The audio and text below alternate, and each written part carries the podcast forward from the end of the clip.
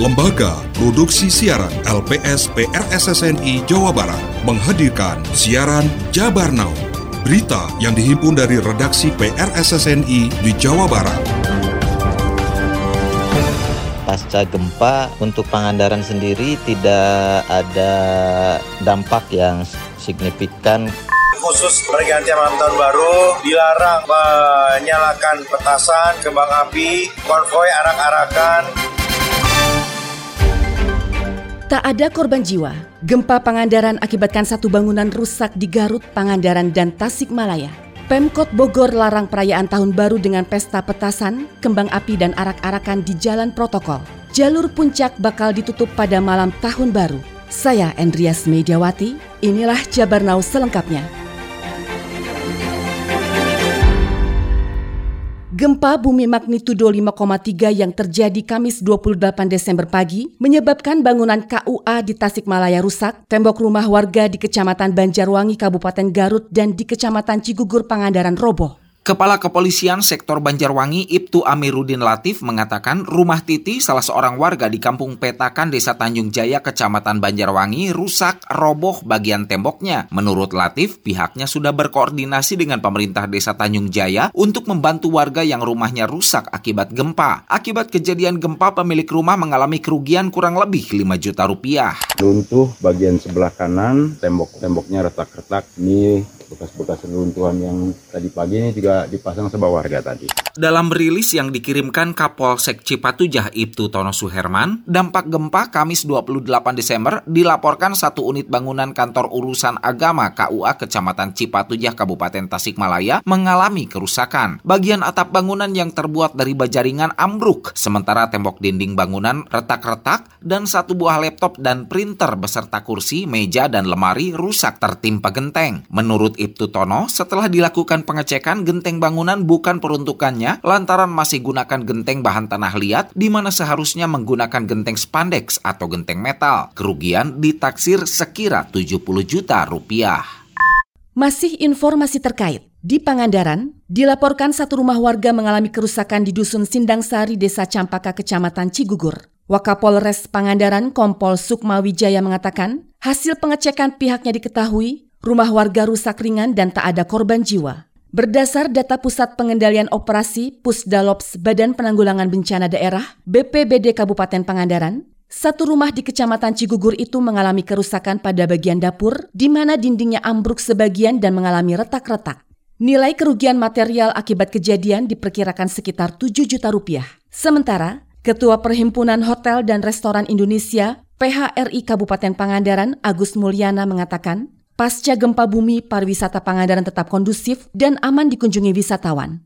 Menurut Agus, masyarakat termasuk wisatawan dan pengunjung hotel miliki kesadaran tinggi dalam mendapatkan informasi dari BMKG sehingga tak terjadi kepanikan pasca gempa untuk Pangandaran sendiri tidak ada dampak yang signifikan. Sekarang kesadaran dan penyikapan warga Pangandaran terbiasa dengan gempa seperti itu. Dilihat dulu di BMKG dipastikan bahwa itu tidak berpotensi tsunami sehingga mereka tidak terjadi kepanikan di masyarakat ataupun di pengunjung di tamu di hotel.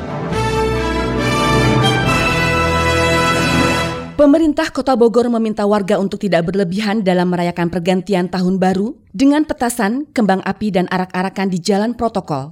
Hal ini disampaikan langsung Wali Kota Bogor Bima Arya Sugiarto usai melakukan kunjungan ke gereja pada malam misa Natal 2023 lalu serta pantauan arus lalu lintas di sejumlah jalan utama dan eksit tol Baranang Siang. Bima pun menyampaikan bahwa lapangan sempur dan lapangan helang akan ditutup pada perayaan malam tahun baru 2023 ini. Di Kota Bogor tidak ada perayaan khusus pergantian malam tahun baru, dilarang menyalakan petasan, kembang api, konvoi arak-arakan, merayakan tahun baru secara berlebihan. Lapangan sempur akan kami tutup, lapangan helang akan kami tutup juga dianjurkan ya untuk melewati malam pergantian tahun ya, secara tidak berlebihan dan kami akan kembali patroli keliling kota. Polisi akan tutup jalur puncak pada malam tahun baru dan akan digelar kegiatan Car Free Night di kawasan itu.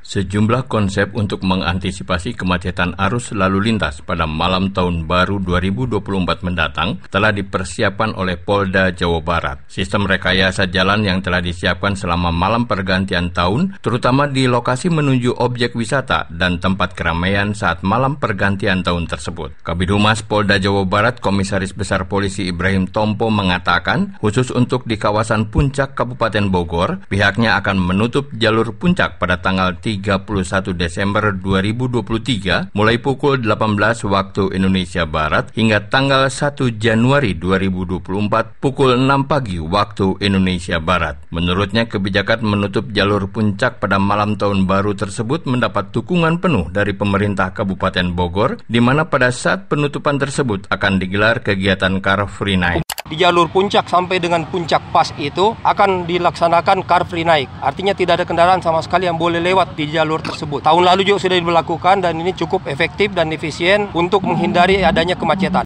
Kombes Ibrahim Tompo menghimbau masyarakat yang akan merayakan malam pergantian tahun untuk selalu mematuhi peraturan dan himbauan dari petugas selama di perjalanan. Terima kasih. Anda masih setia menyimak rangkaian berita dalam Jabar Now yang disiarkan serentak radio anggota PR SSNI se-Jawa Barat. Saudara, tekan penyakit masyarakat menjelang tahun baru, petugas gabungan dari Satpol PP, TNI dan Polri merazia di hotel di kawasan Tuparef dan Kedawung Cirebon. Belasan pasangan mesum terjaring. Setiap kamar yang diduga menjadi tempat mesum diperiksa secara intensif oleh petugas gabungan. Hasil pemeriksaan mengungkapkan beberapa pasangan bukan suami istri yang berada dalam satu kamar tanpa identitas resmi pernikahan, serta ditemukan alat kontrasepsi. Wisma, kasih operasi pengendalian Satpol PP Kabupaten Cirebon menyatakan bahwa telah berhasil mengamankan 15 pasangan bukan suami istri yang tertangkap sedang berduaan di dalam kamar. Berbuat asusila. Kita ketemukan 19 pasang mereka bukan pasangan sah atau bukan suami istri. Petugas menegaskan kepada pasangan tersebut bahwa setelah pembinaan, tindakan tegas akan diterapkan dalam bentuk sanksi denda sebesar 10 juta dan kurungan penjara maksimal 3 bulan jika tertangkap kembali.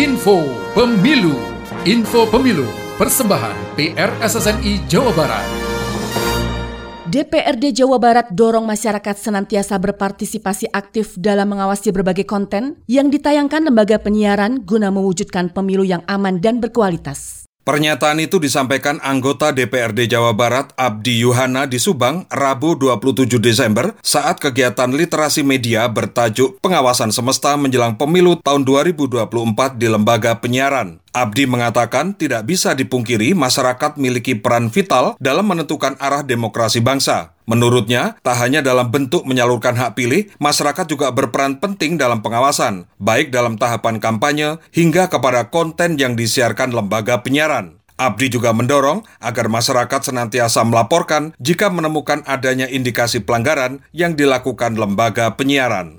Semua berharap agar masyarakat juga berpartisipasi aktif untuk bisa mensukseskan pemilu harus sama-sama ya kita jaga Senada disampaikan Ketua KPID Jawa Barat, Adiana Slamet. Dikatakan, peran aktif masyarakat dalam mengawasi konten yang dihasilkan lembaga penyiaran menjadi bentuk nyata dalam pengawasan semesta. Dalam hal itu tertuang nyata pada undang-undang. Adiana meyakini dengan adanya partisipasi masyarakat, pemilu yang aman, netral, tenang bisa diwujudkan di Jawa Barat. Peran serta masyarakat dalam mengadukan itu naik lagi menjelang pemilu. Nah, artinya masyarakat Jawa Barat menginginkan pemilu program-program yang ada di televisi maupun radio ini sesuai dengan regulasi karena hasil penelitian kami masyarakat sadar bahwa lembaga penyiaran ini banyak diindikasikan dibiayai peserta pemilu dan itu menurut PKPI nomor 4 tahun 2023 itu kan e, dilarang. Seiring meningkatnya kasus COVID-19 secara nasional, Kepala Dinkes Kota Sukabumi Reni Roshida Mutmainah mengkonfirmasi hingga kini belum ditemukan kembali penambahan kasus baru. Kepala Dinas Kesehatan Kota Sukabumi Reni Rosyida Mutmainah mengkonfirmasi hingga saat ini pemerintah Kota Sukabumi sudah mengkonfirmasi dua kasus COVID-19.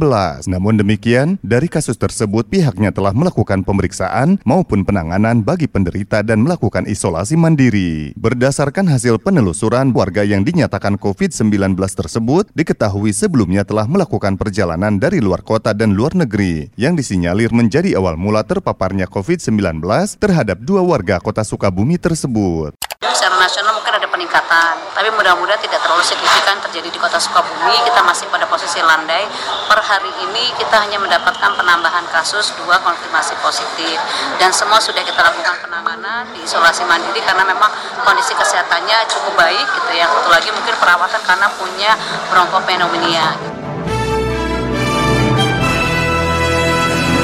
Sehubungan dengan ketetapan dari pemerintah Senin 1 Januari 2024 sebagai hari libur, maka Jabarnau tidak berproduksi. Kami akan hadir kembali menjumpai Anda Selasa 2 Januari 2024. Terima kasih. Anda telah menyimak siaran berita Jabarnau yang diproduksi oleh Lembaga Produksi Siaran LPS PRSSNI Jawa Barat.